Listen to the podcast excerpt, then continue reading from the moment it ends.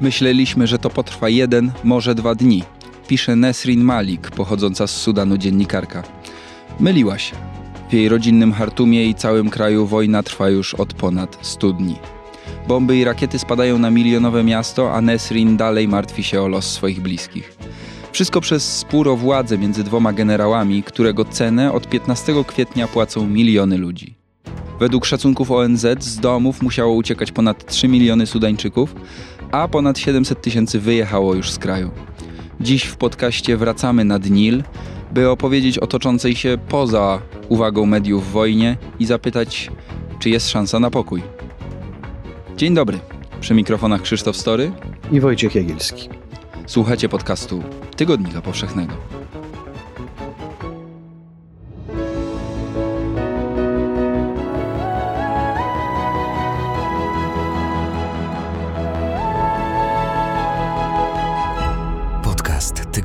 Powszechnego. Weź, słuchaj. O zaczynającej się wtedy wojnie w Sudanie rozmawialiśmy już w 26 odcinku podcastu w opisie na stronie.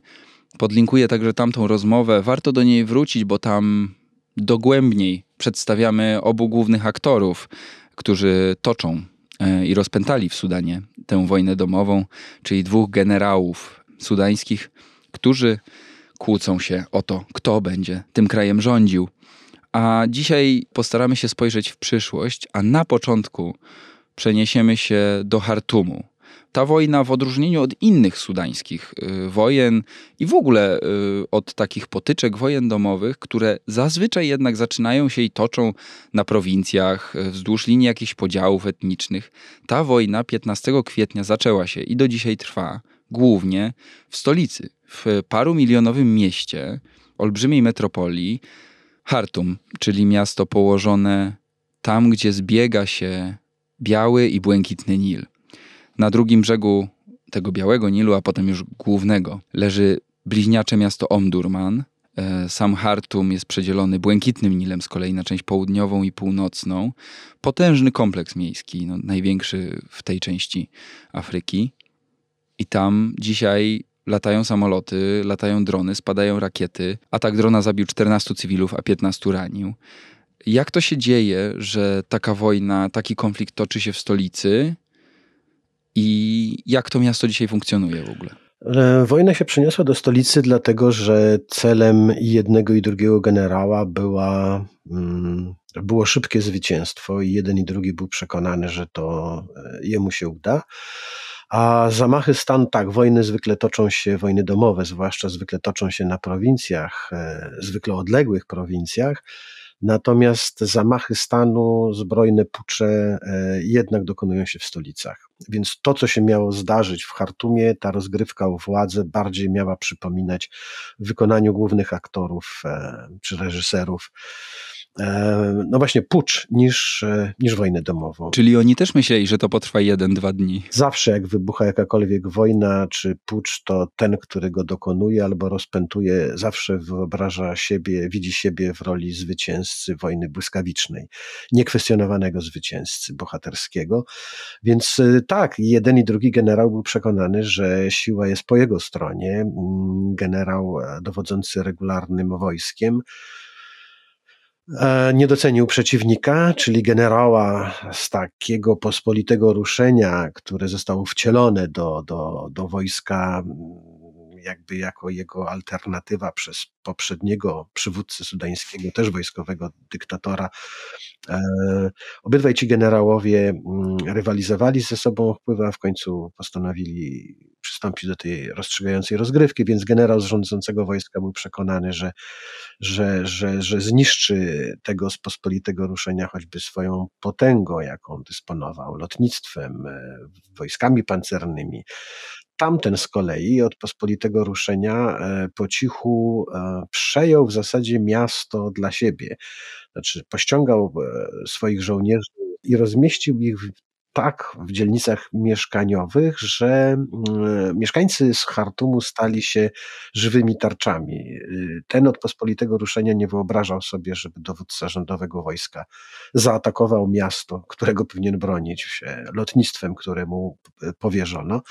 E, był przekonany, że mm, prędzej czy później, raczej prędzej, pozajmuje wszystkie lotnictwa, e, lotniska i po prostu e, przewaga powietrzna przestanie mieć jakiekolwiek znaczenie, bo samoloty, które raz się wzbiły w niebo, nie będą miały gdzie lądować. Nie trzeba będzie ich nawet zestrzeliwać, po prostu odlecą albo się rozbiją.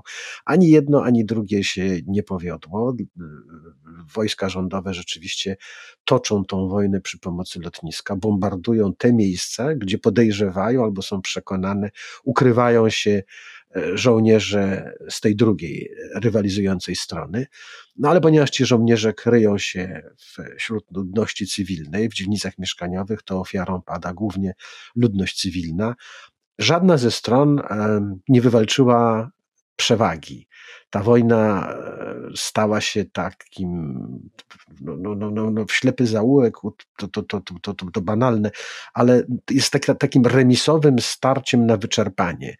E, ani jedni, ani drudzy wyczerpani jeszcze nie są, a, a pole bitwy jest wciąż te same, bo żadnemu z przeciwników nie, nie udało się go zająć. Miasto cierpi na tym najbardziej i ta ludność cywilna. Pytasz, jak funkcjonuje Hartum?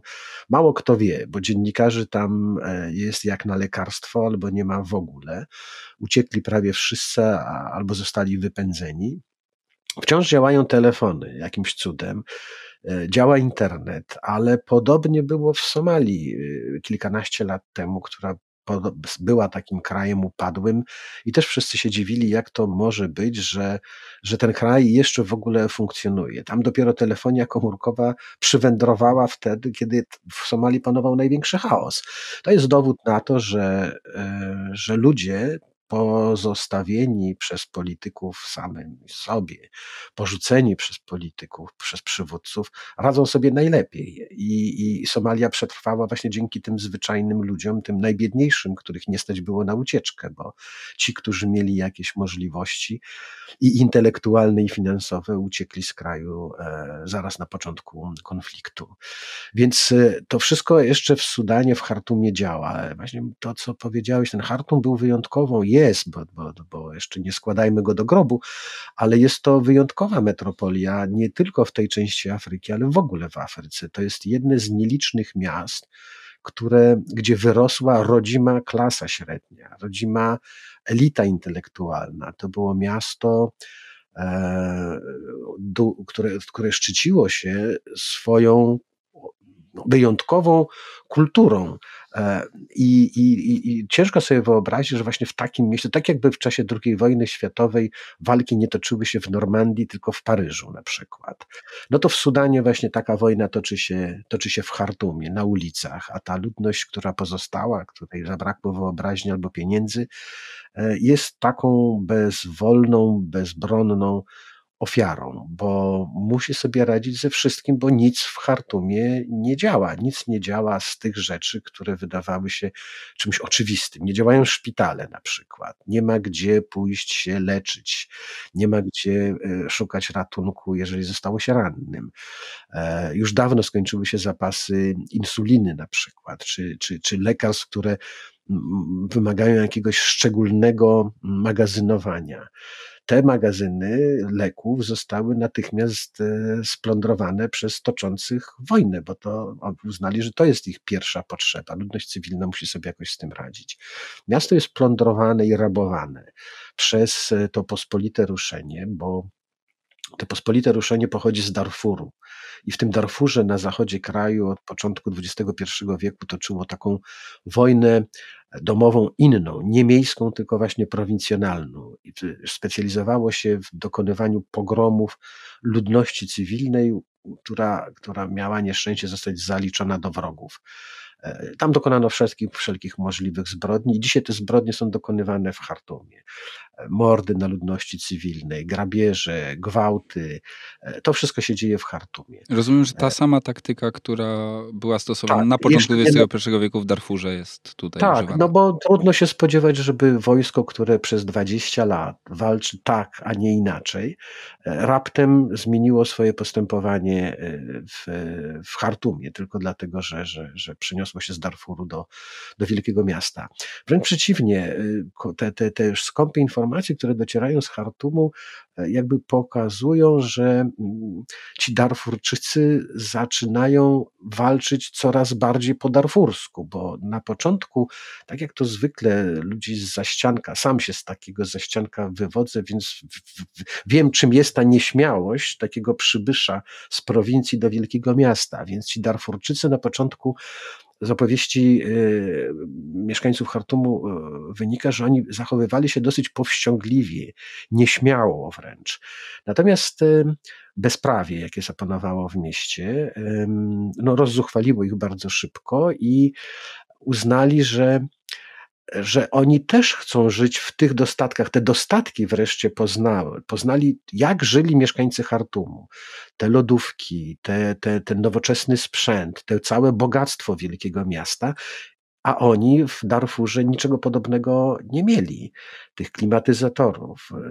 Zdumieniem dla nich było to, że można e, w 40-stopniowych upałach żyć, nie narzekając, nie odczuwając nawet e, upału. No, tak jest w bogatych miastach, gdzie działają, gdzie działa klimatyzacja.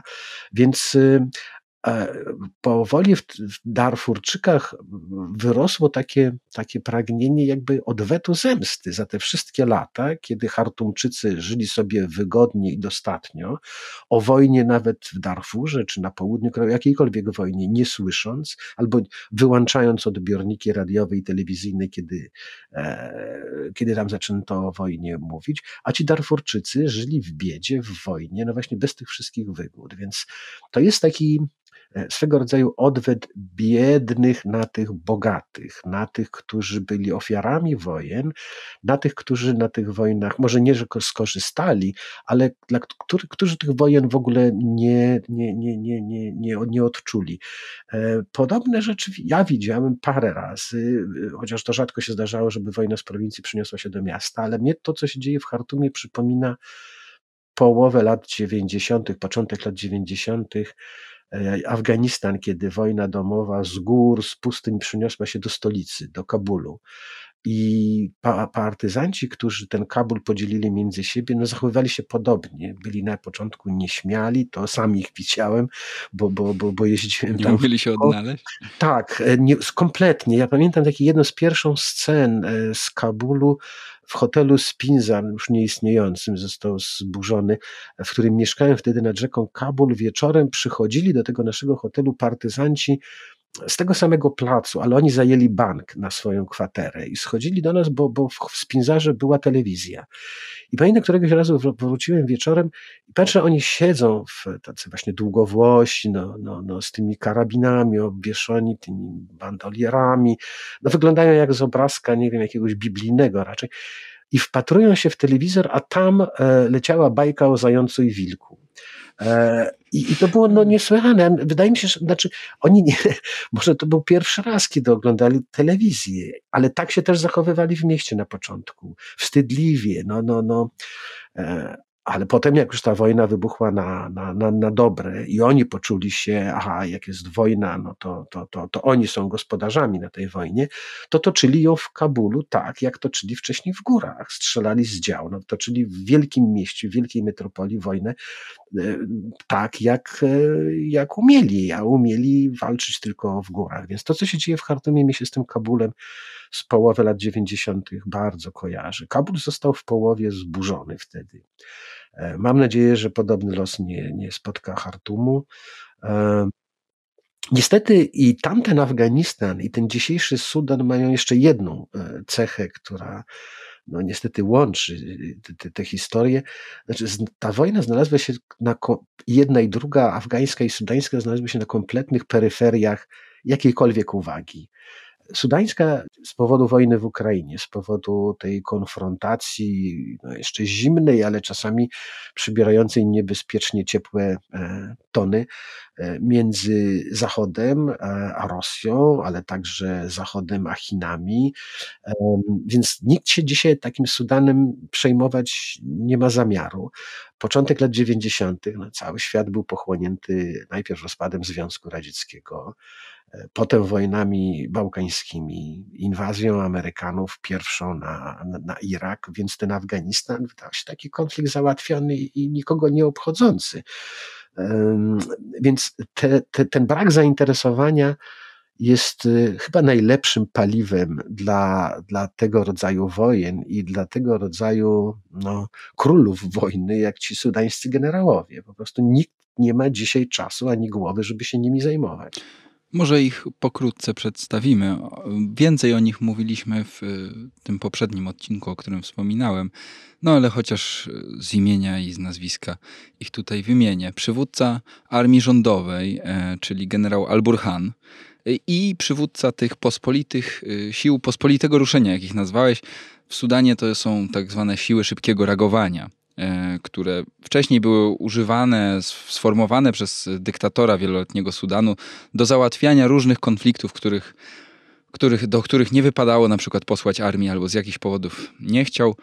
I te siły szybkiego reagowania zostały potem wcielone jako część sudańskich sił zbrojnych, no ale między nimi jest gruby mur, więc Sudan tak naprawdę ma dwie armie, które dzisiaj wzięły się za łby. I tym pospolitym ruszeniem dowodzi e, Mohamed Hemeti Dagalo. Hemeti to jest jego przezwisko, oznacza dosłownie Mahomecik. E, I oni dzisiaj w tym Hartumie toczą wojnę.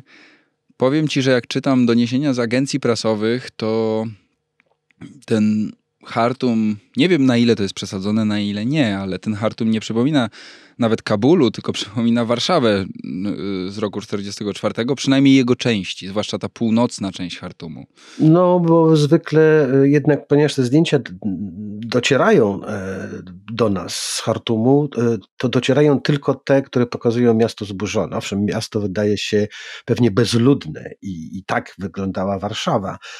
Warszawa była bezludna, natomiast mieszkańcy w Hartumie to było 7-10 milionowa metropolia. Mówi się, że wciąż w Chartumie mieszka połowa dawnej ludności, no więc y, ci ludzie tam są. Oni, po prostu nie wychodzą na ulicę albo wychodzą tylko i wyłącznie wtedy, kiedy wiedzą, że nic złego ich e, nie spotka. E, walki nie toczą się o każdą ulicę, jak się toczyły w Warszawie, czy też tak jak w Kabulu. To jest miasto wymarłe i zniszczone, a e, obrazy tych zniszczeń po prostu do nas docierają. Tylko i wyłącznie tych, tych, tych zniszczeń jak, jak, jak, jak, jak ono funkcjonuje dalej, e, a funkcjonuje. Więc myślę, że, że, że ten Hartum, no, dużo mu jeszcze do, do, do takiego gruzowiska, jakim był Kabul, Warszawa czy, czy, czy Grozny i mam nadzieję, że nigdy do takiego stanu nie dojdzie. Ta armia sudańska i jedna i druga e, są zbyt słabe, żeby takie miasto zburzyć tak doszczętnie.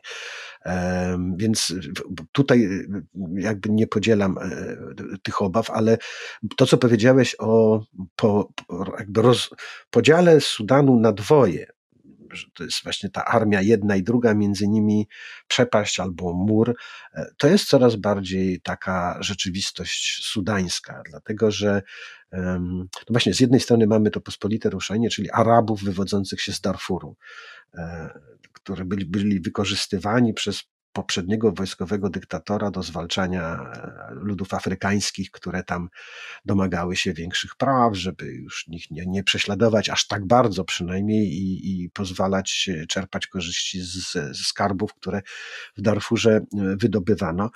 E, więc ci Darfurczycy zaczęli, znaczy jakby panują nad zachodnią, nad, nad, nad Sudanem położonym na zachód od Nilu a wojsko rządowe nad tą drugą częścią położoną na wschód od Nilu. To się też przekłada na takie właśnie te tradycyjne podziały. Darfurczycy nigdy nie mieli tak wiele do powiedzenia w Sudanie, poza jakimiś tam krótkimi okresami w XIX wieku, e, by połową kraju trzęść. Zawsze Sudanem rządziły elity z Nadnilu, właśnie z Hartumu e, ale, ale im teraz właśnie tego, tego Sudanu i tego Hartumu została połowa. E, I ten konflikt poza Hartumem, e, a może nawet przede wszystkim, bo w Hartumie no to są obrazy najbardziej spektakularne. E, no wielkie miasto, nad którym latają samoloty, helikoptery i, i tropią gdzieś tam przeciwników na ulicach i bombardują. No, a wojsko rządowe, które bombarduje swoją stolicę jest zawsze czymś, takim obrazem nienormalności, jakiejś, jakiegoś kalectwa. No to szaleństwo przecież. Szaleństwo i to przyciąga nasze spojrzenie. Natomiast nie ma co przyciągać E, bo nie ma żadnych obrazów z zachodniego, e, zachodniej części Sudanu, z Darfuru. A tam dzieją się zbrodnie e, wojenne. Tam się dokonują zbrodnie, za które już zabrał się na początku XXI stulecia Międzynarodowy Trybunał Karny i postawił sudańskiego ówczesnego przywódcę tego wojskowego dyktatora w stan oskarżenia, zarzucając mu zbrodnie ludobójstwa, że w Darfurze na początku stulecia dokonała się pierwsza w tym wieku zbrodnia ludobójstwa. Po obaleniu generała al-Bashira w 2019 roku ta wojna w Darfurze ucichła. Ten triumvirat, e, który przejął władzę w Chartumie, to znaczy generałowie, najpierw jeden, później obydwaj, ci, którzy dzisiaj walczą, i plus przedstawiciele tej ulicy chartumskiej, która e, podniosła bunt i obaliła wojskowego dyktatora, e, zawarli pokój z Darfurczykami, z tymi ludami i arabskimi, i afrykańskimi te zbrodnie, ta wojna domowa w Darfurze została przerwana, a nawet ci, którzy uciekli, zaczęli wracać do Darfuru z wygnania, głównie w Czadzie. To są przedstawiciele tych ludów e, afrykańskich, czarnoskórych, mesalitów, Zagała, Fur. Wybuch tej wojny sprawił, że podnieśli, chwycili za broń Arabowie z Darfuru po to, żeby ponownie wygnać tych, którzy, którzy wrócili. I teraz tym razem zrobić już porządek ostateczny. To znaczy, żeby już ci, którzy uciekną do Czadu, e, naprawdę nie mieli już do czego wracać. I dzisiaj ta wojna w Darfurze toczy się w sposób jeszcze bardziej krwawy, brutalny, polegam tylko na informacjach, które przysyłają z, z, z czadu głównie e, agencje informacyjne i, i, organizacje humanitarne, takie jak Lekarze Bez Granic chociażby. E, więc ta wojna w Darfurze toczy się w sposób już zupełnie barbarzyński. Tam mordy na ludności cywilnej są jakby e, porządkiem dnia. Tam już nie walczą między sobą rozmaite wojska. Tam po prostu e, zbrojne milicje, wspierane przez tych, e, te, te pospolite ruszenie, bo to jest Darfur, to jest twierdza Hemetiego, ogniem i mieczem po prostu e, usuwają wszystkich, którzy, których uważają za przeciwników. Czyli jakby w ogniu tej wojny o władzę, która toczy się głównie w Hartumie, odżyły też jakby stare konflikty takie etniczne. Głównie, głównie, głównie ten, ten, ten, ten, ten Darfur. I tam dzieją się rzeczy naprawdę straszne, o których nie wiemy, dlatego że postronni w ogóle nie mają nie mają dostępu do tej, do, do, do, do tej krainy, polegają obserwatorzy tylko i wyłącznie na relacjach uciekinierów, a więc ofiar, a więc y, te no, to jest jakby, no, już my jako dziennikarze wiemy, że e, tym opowieściom, znaczy Należy się przysłuchiwać, e, ale należy je weryfikować, bo opowieści ofiar są zawsze przesadzone. Te ich nieszczęście wydaje się największe i słowo ludobójstwo w takich relacjach uchodźczych pada co chwila. Tym niemniej ta wojna w Darfurze jest czymś chyba dużo poważniejszym i krwawym niż była 20 lat e, temu, a właśnie w 2003 roku wybuchła. Ale mówiłem też o tym podziale Sudanu na wschodnią część i zachodnią. E, kolejny konflikt, który jakby odżywa i który sprawia, że od Sudanu zaczyna się, czy może grozić odłamanie kawałka południa, to jest to, że ożył konflikt w Kordofanie. To jest kraina położona na południe od Darfuru, na granicy z południowym Sudanem. Ile tych Sudanów za chwilę będziemy mieć? Bo Sudan Południowy od, odłączył się w 2011 roku y, po, po referendum. E, za chwilę mówimy o Sudanie Zachodnim i Południowym, które będą stały nad dwoma brzegami Nilu i patrzyły na siebie z podełba.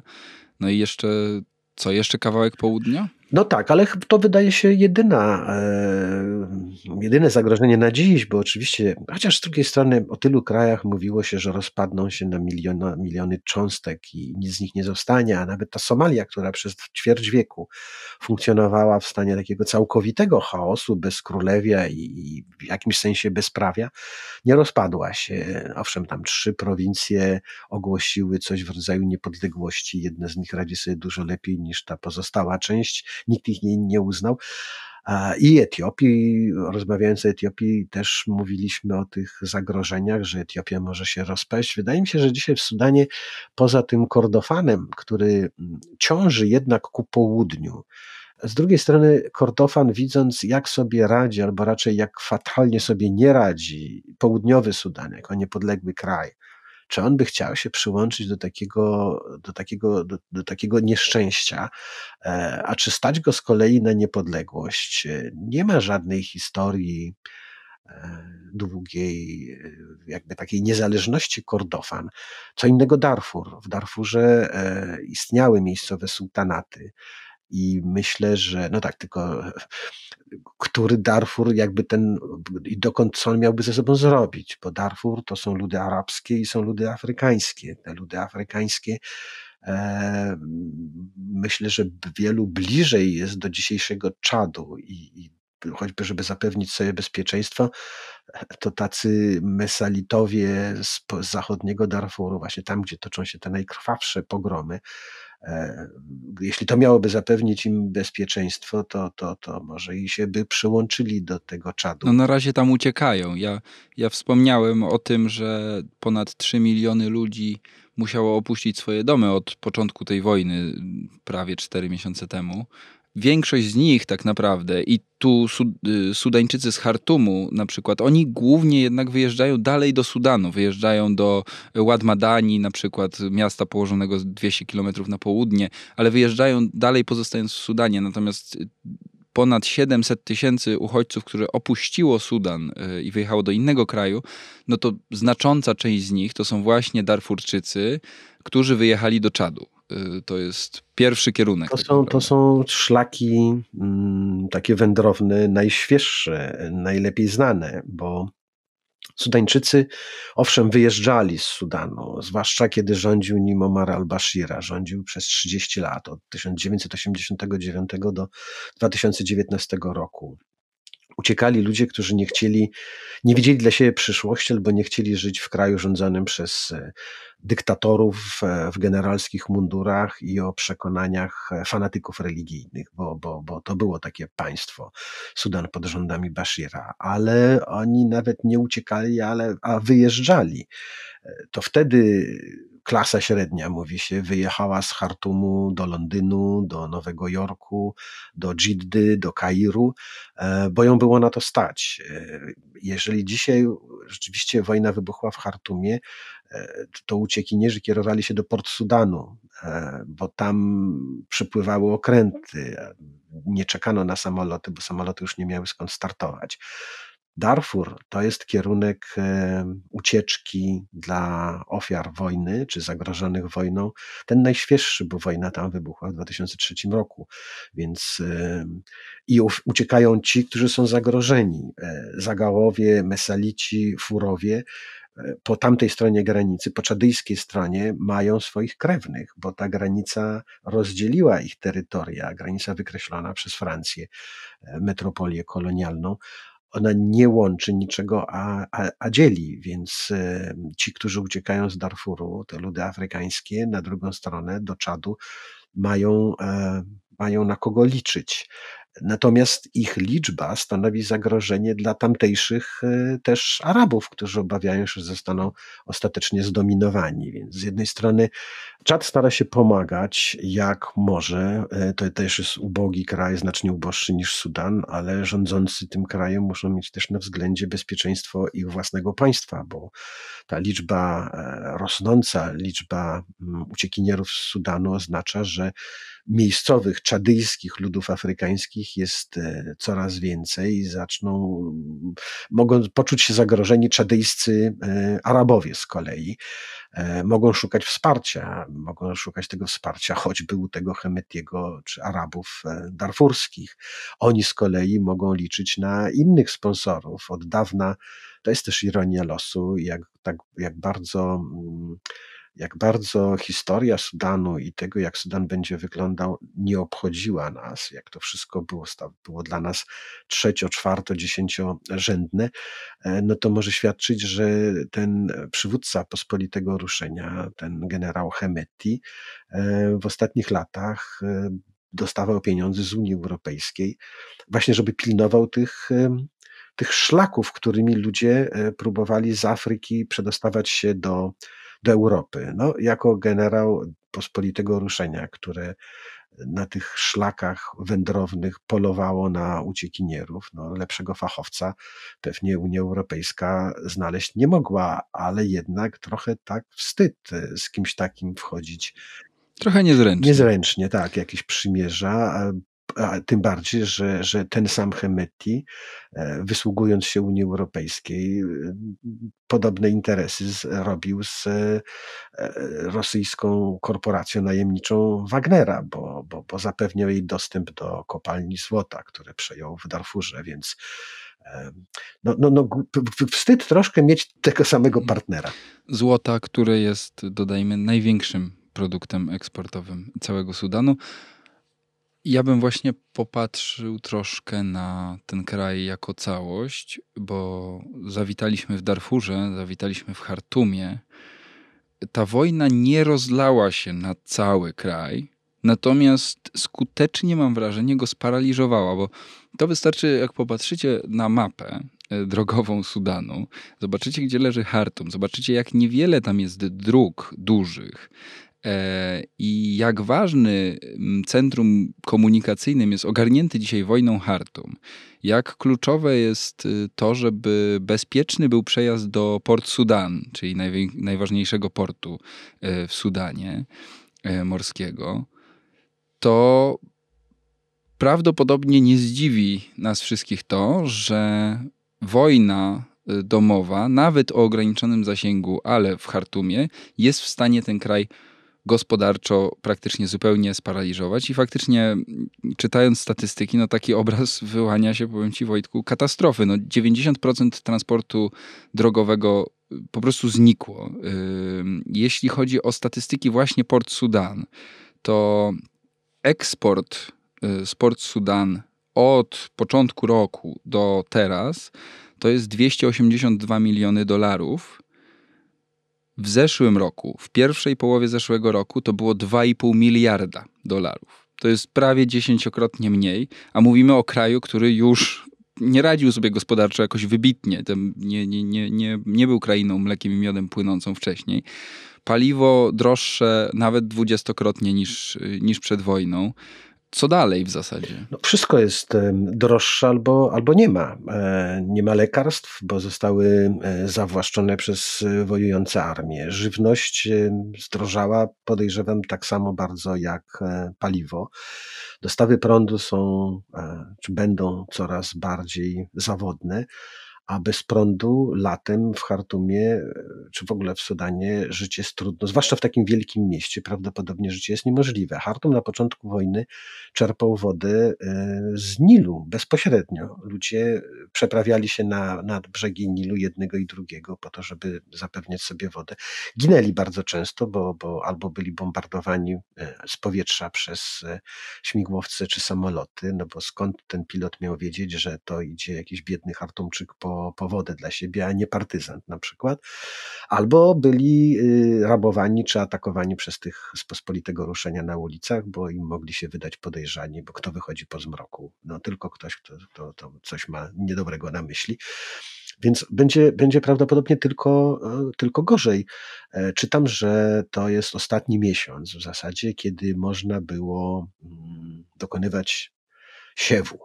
E, w Sudanie, że za chwilkę e, zacznie się pora deszczowa, ta główna, i, a potem już będzie za późno. Więc ci, którzy zdążą obsiać, to będą mieli, ale prawdopodobnie będą mieli tyle, co dla siebie. E, o jakiejkolwiek produkcji żywności przemysłowej pewnie nie ma mowy. Zresztą jak mówić o jakiejś produkcji żywności czy, czy poważnym rolnictwie, kiedy nie działają banki, kiedy nie działają żadne urzędy, magazyny z nawozami sztucznymi, z tym wszystkim. Bo rozumiem, że przyczyną nie jest to, że wojna ogarnęła cały kraj i nie ma komu obsiać pól, tylko nie ma za co. Nie ma Hartumu, nie ma stolicy, a to wszystko było, było, było w stolicy. Ona jakoś tam działa, bo te urzędy przecież nie zostały rozwiązane. Ludzie wciąż chodzą do pracy, e, działają ministerstwa, ale e, znaczne, to troszkę, Sudan nie zginął, Sudan nie jest nawet w stanie agonalnym, ale jest jak pacjent po poważnym wylewie, który, czy udarze, który ma znaczną część ciała unieruchomioną, niesprawną. I taki jest Sudan. I póki, jeśli by mu przyjść z pomocą szybko e, i jakąś skuteczną, to prawdopodobnie dzięki jakiejś rehabilitacji i terapii e, wróci do normy. Ale jeżeli zostawiony sam sobie zostanie, no to ten jego stan będzie się tylko pogarszał. Nie tylko jego, ale także krajów sąsiednich, no bo Czad też biedak e, żyjący z pomocy humanitarnej będzie miał nowych uciekinierów do wykarmienia. E, Republika Środkowoafrykańska, która w zasadzie pilnują pokoju kilkuset rosyjskich najemników. E, z jednej strony pilnują niby pokoju, a raczej trzymają jako zakładnika prezydenta tego kraju. Bo Republika Środkowoafrykańska już dawno temu stała się rosyjskim protektoratem, e, prywatną własnością tej korporacji Wagnera, która tam wydobywa diamenty, złoto i to, to wszystko, co ta Republika Środkowoafrykańska ma. Więc teraz e, czytam, że jest duże poruszenie na granicy między Republiką Środkowoafrykańską a Czadem. Miejscowe partyzantki próbują szmuglować broń albo do Sudanu, żeby dostarczyć tej broni jakimś rebeliantom, albo w drugą stronę sprowadzają tą broń z Sudanu, bo, bo w Sudanie broni było zawsze pod dostatkiem, po to, żeby się przygotować na wojnę w Republice Środkowoafrykańskiej. 700 najemników rosyjskich to może jest i dużo, ale to nie jest armia gladiatorów, która wygra wojnę i, i obroni tego prezydenta. To też znamienne, że ostatnio właśnie wylądowała grupa bardzo liczna, prawie tysiąc tych Wagnerowców mm, w Republice Środkowoafrykańskiej, bo nam się zbliża termin referendum w sprawie konstytucji i możliwości wykreślenia z niej zapisu, że kadencję prezydent może sprawować tylko dwie. E, to może ten prezydent, który panuje, on może już ma wszystkiego dosyć i chętnie by ten urząd złożył, ale nie pozwalają mu na to Rosjanie, bo to z nim podpisali umowę, z nim się dogadali, że pilnują jego bezpieczeństwa, w zamian za to on oddaje im kraj. No więc to jest problem Republiki Środkowoafrykańskiej.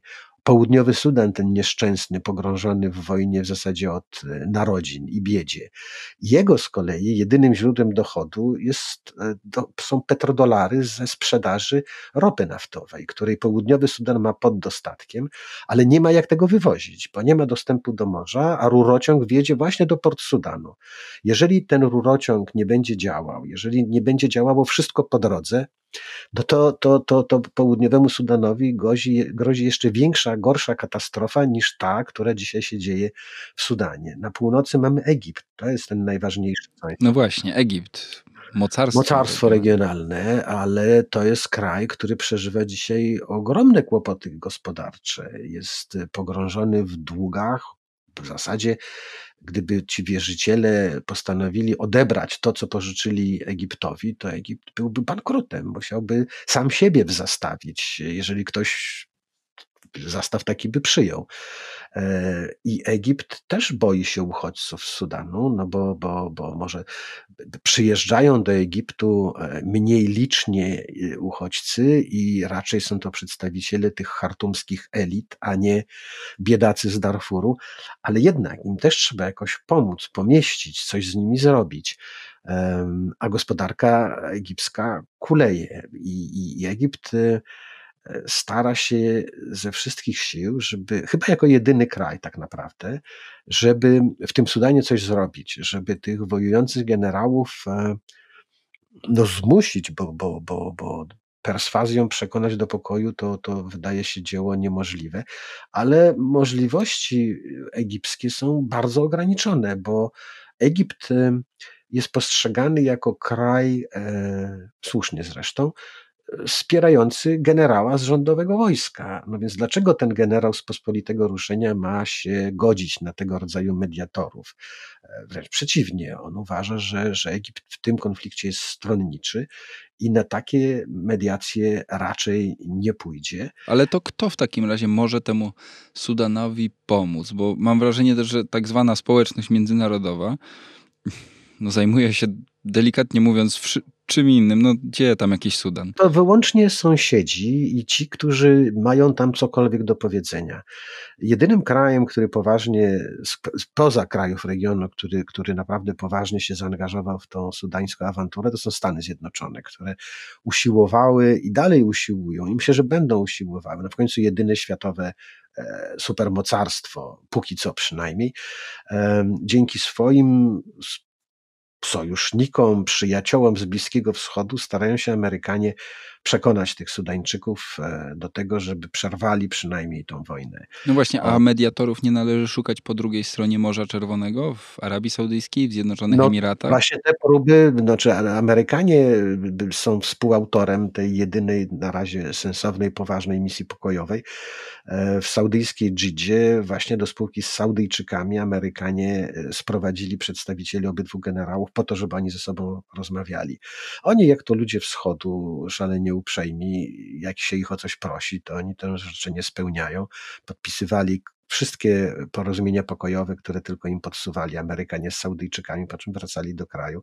I oczywiście nie zamierzali tego przestrzegać. No, zrobili miło cudzoziemcom, ale, ale swoje sprawy uważali, że po swojemu będą załatwiać. Więc, ale tak czy inaczej, ta, ta inicjatywa jest w zasadzie jedyną, e, która, która, która wciąż trwa.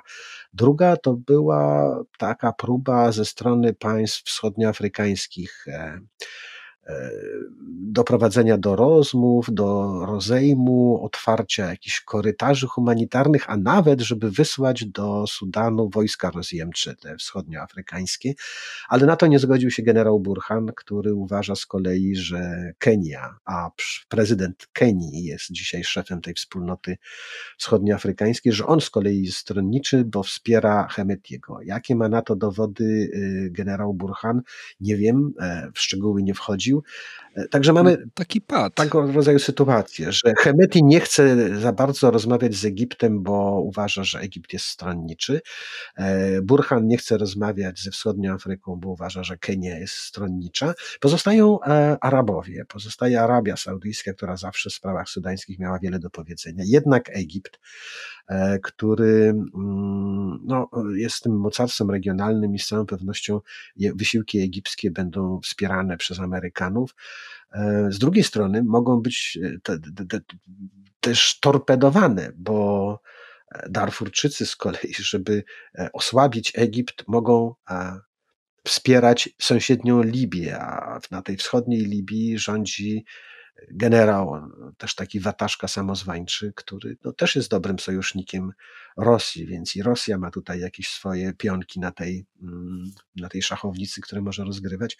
Ale tak, jedynym sposobem, czy jedynymi, którzy wydają się dzisiaj być zainteresowani czy zdeterminowani i mają w tym interes, żeby spróbować przerwać sudańską wojnę, to są sąsiedzi. To jest właśnie e, to jest Egipt, to jest Etiopia, która e, przy okazji tej sudańskiej wojny Etiopia e, pogodziła się jakby z Egiptem w sprawie podziału wol, wód Nilu.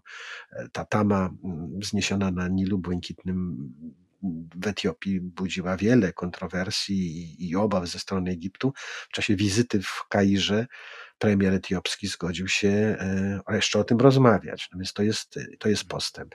Etiopia, Rozmawialiśmy o tym w ostatnim odcinku, tak, zresztą poprzednim podcastie. Etiopia, Egipt, e, no to są, to są ci główno, główno rozgrywający, e, głównie rozgrywający po afrykańskiej stronie, a po drugi, na, na drugim brzegu Morza Czerwonego, no to przede wszystkim Arabia Saudyjska i Zjednoczone Emiraty Arabskie. Właśnie te Emiraty Arabskie myślę, że mogłyby okazać się e, takim głosem decydującym, ale one nie zabierają e, głosu w tej sprawie, dlatego że no, też uważa się Emiraty za, że i Abu Zabi, i Dubaj za niebezstronnych aktorów w tej sudańskiej rozgrywce, że oni z kolei są wspierają tego, tego nieszczęsnego Hemetiego. Więc Hemeti jest chyba rzeczywiście mistrzem, jeśli idzie o e, liczbę i liczbę wpływowych sojuszników potrzebnych mu we wszelkich możliwych sprawach. I skoro... no tak to jest, jak się wyświadcza różne przysługi. Przez lata to można potem E, jest jeszcze jeden e, aktor, a nawet kilku e, może zainteresowanych pokojem. To jest dygresja, bo akurat tutaj ci aktorzy niewiele mogą, ale pokojem w Sudanie bardzo zainteresowany byłby producent Coca-Coli. Bo ta Sudan ma jeszcze poza złotem, ropą, ma jeszcze jeden ważny produkt eksportowy. Nie tak du dużo, jeśli chodzi o ilość, natomiast ważny z punktu widzenia właśnie producentów napojów gazowanych. E, produkt nazywa się E414, a e, po ludzku mówiąc guma arabska która jest używana w wielu, wielu przemysłach. No i Sudan jest jej pierwszym, największym producentem na świecie. To jest y, dla gospodarki sudańskiej może nie aż taki straszny cios, y, bo ten eksport to jest gdzieś tam 100 milionów dolarów powiedzmy rocznie. Natomiast y, faktycznie świat, reszta świata, to witamy w cudownej epoce globalizacji, musi się teraz zmierzyć z niedoborem gumy arabskiej do Pepsi i Coca-Coli to jest największa chyba troska zachodniego świata e, odnośnie wojny sudańskiej, co samo w sobie jest przykrym znakiem. Dygresja jeszcze jedna. W latach 90., na początku lat 90., kiedy Osama Ibn Laden, wygnany z Arabii Saudyjskiej, znalazł schronienie w Sudanie, właśnie pod Hartumem zajmował się produkcją czy uprawą, nie wiem co się robi z gumą arabską, ale miał właśnie farmę um, gumy arabskiej Także e, miał łeb na karku, także jeśli idzie o te interesy. E, uprawia się, uprawia się, to jest roślinka. Odchodząc od e, gumy arabskiej i od osamy, na koniec zapytam Cię o scenariusze na przyszłość, o jakieś ewentualne szanse na pokój, a może ta wojna po prostu będzie trwała, aż któryś generał któregoś zamęczy i, i przejmie pełnię władzy, i może to jest jedyne wyjście. Bo ja nie wyobrażam sobie, jak oni teraz mają się dogadać. No. Myślę, że tak, trudno sobie wyobrazić jakieś porozumienie między, między tymi obydwoma e, generałami, ale z drugiej strony to myślę, że to jest raczej problem naszej ograniczonej wyobraźni, bo choćby z historii znajdziemy mnóstwo przykładów e, układów pokojowych, e, zawieszeń broni podpisywanych przez ludzi, którzy wydawałoby nam się, że nigdy w życiu się ze sobą nie spotkają i nie uścisną e, dłoni. Pierwszą szansą na takie mm, złagodzenie tej wojny, wyciszenie, może być ta pora deszczowa, która właśnie się zbliża. Zwykle w tej porze deszczowej wojny zamierały w Darfurze, bo kraj stawał się nieprzejezdny. Z trzeciej strony, akurat właśnie tam używano tego pospolitego ruszenia, a nie regularnej armii, po to, żeby nie przemierzać tego Darfuru w pogoni za powstańcami na czołgach czy ciężkich ciężarówkach, tylko żeby to się odbywało konno albo w wozach terenowych. Więc może i ta nadzieja nie jest aż taka, mm, nie powinna być aż taka wielka. Tak czy siak, e, pora deszczowa z całą pewnością tą wojnę utrudni. Choćby bombardowania nad Hartumem, te samoloty jednak muszą na jakąś wysokość się wzbić. Pora deszczowa to, to, to, to jest czas niepogodnego nieba, więc y, wojować jest trudniej, ale rzeczywiście wydaje mi się, że taką największą może nie nadzieją, ale no, no, no, co podpowiada wyobraźnia, to, że jakieś nowe rozdanie po jednej i po drugiej stronie pojawia się jakiś generał, który odsunie od władzy generała Burhana z tym generałem, e, z którym wcześniej nie miał do czynienia, e, taki Hemeti może zacząć rozmawiać. Czy też obalenie Hemetiego, co wydaje się na dziś e, niewyobrażalne. Ale on się w ogóle nie pokazuje. No i wcale mu się nie dziwię, dlatego że bawia się o swoje życie. Nie tak dawno Komunikuje się chyba przez nagrania dźwiękowe wyłącznie. To tam tak, to pewnie, pewnie, a poza tym to pewnie jest najpewniejszy sposób komunikacji w kraju, którym e, ta łączność jest pewnie zawodna. Ale mówimy o tych niewyobrażalnych historiach. No, nie tak dawno, parę lat temu w, w Czadzie zginął prezydent nie w zamachu, tylko podczas e, wizji lokalnej swoich własnych wojsk, które zwalczały tam e, miejscowych rebeliantów.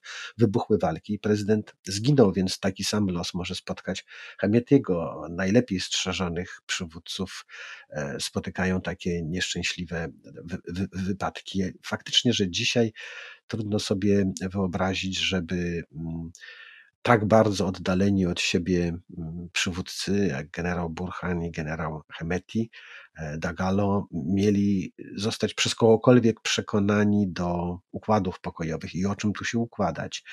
Bo jeżeli mieliby się układać, przymuszeni choćby przez ONZ, Unię Europejską, Watykan i nie wiem kogo jeszcze, jeżeli cały świat, cały wysiłek włożyłby w to, żeby tych generałów usadzić za stołem i skłonić, żeby oni między sobą ustalili warunki pokoju, to byłoby to jedne z najfatalniejszych pomysłów i rozwiązań, dlatego że żeby pokój zapanował w Sudanie i żeby ten Sudan żył jakimś normalnym życiem, to przy tym stole, gdzie będą zapadały jakiekolwiek decyzje na przyszłość, nie może zabraknąć przedstawicieli ludności cywilnej, tych cywilnych elit. No właśnie miałem cię pytać, po której stronie jest dzisiaj ulica w Hartumie, no bo to odpowiedź, po której stronie jest ulica, będzie się zmieniała w zależności od tego, gdzie w Sudanie spytamy, ale w Hartumie? A, no to też pewnie zależy, gdzie spytamy, bo jeżeli byśmy pytali na ulicy, gdzie plądrują, gwałcą i zabijają partyzanci Hemetiego, to, to raczej mieszkańcy tej ulicy nie powiedzą, że, że, że za nimi byliby murem. Jest paradoksalnie y, przed wybuchem albo na początku tej wojny, raczej tuż przed jej wybuchem, uważano w Sudanie, że ta ulica Hartumska, a nawet ci tak zwani demokraci sudańscy, że bliżej im do Hemetiego niż do generała Burhana. Dlatego, że przez 30 lat demokraci, ci wszyscy przeciwnicy wojskowej dyktatury cierpieli prześladowania ze strony chartumskich generałów. Hemeti jest bandziorem zwyczajnym z Darfuru, ale takim sprytnym, który, mm, takim kameleonem, który w Darfurze był wataszką, a w Hartumie um, udawał albo objawiał się jako młody, nowoczesny polityk, rozumiejący problemy kraju i występujący przeciwko wojskowemu tyranowi i sprzymierzonych z tym generałem e, fanatykom religijnym. Więc to jest taki paradoks, że, że, że Hemeti potrafił wkupić się w łaski no tej chartumskiej ulicy, nazwijmy to tak roboczo. E, za to po stronie generała Burhana wciąż są ci sami ludzie, którzy przez 30 lat korzystali z dobrodziejstw wojskowej dyktatury generała Bashira. I są to ludzie, którzy obłowili się przy Bashirze, zbili nieprawdopodobne majątki, ale także wszyscy ci fanatycy religijni, którzy uwiarygodniali, czy uważali, że uwiarygodnią w oczach Sudańczyków wojskowe e, rządy, e, no właśnie nadając tą, przystawiając tą, tą religijną pieczęć. Więc oni są po stronie Burhana. E, nie ma lepszego i gorszego. Myślę, że to są obydwa fatalni przywódcy, których należałoby się jak najszybciej pozbyć. E, osądzić i ukarać. Natomiast na ich miejsce, jeżeli miałby być wybierany ktokolwiek, to w tym wyborze musi uczestniczyć kto, ktoś, kto nie będzie nosił munduru wojskowego. I to wszystko już w tej sudańskiej opowieści. Pewnie będziemy jeszcze nad Nil wracać. Mam nadzieję, że z jakichś przyjemniejszych powodów niż wojna domowa. W tym odcinku podcastu to już wszystko. Zapraszam Was jeszcze na stronę tygodnikpowszechny.pl. Tam już niedługo chyba też Twój nowy tekst. O czym będziesz pisał? Będę pisał o Indiach, gdzie przed wyborami przyszłorocznymi y, doszło do zdubiewającego zjednoczenia indyjskiej opozycji, całej indyjskiej opozycji, która zrozumiała, że w pojedynkę nie dadzą rady rządzącej partii i temu, co ona robi z Indiami, a jeżeli się zjednoczy, no to przynajmniej można, warto spróbować. To do poczytania, a w wersji audio to już wszystko. Przy mikrofonach Krzysztof Story i Wojciech Jagielski. Do usłyszenia.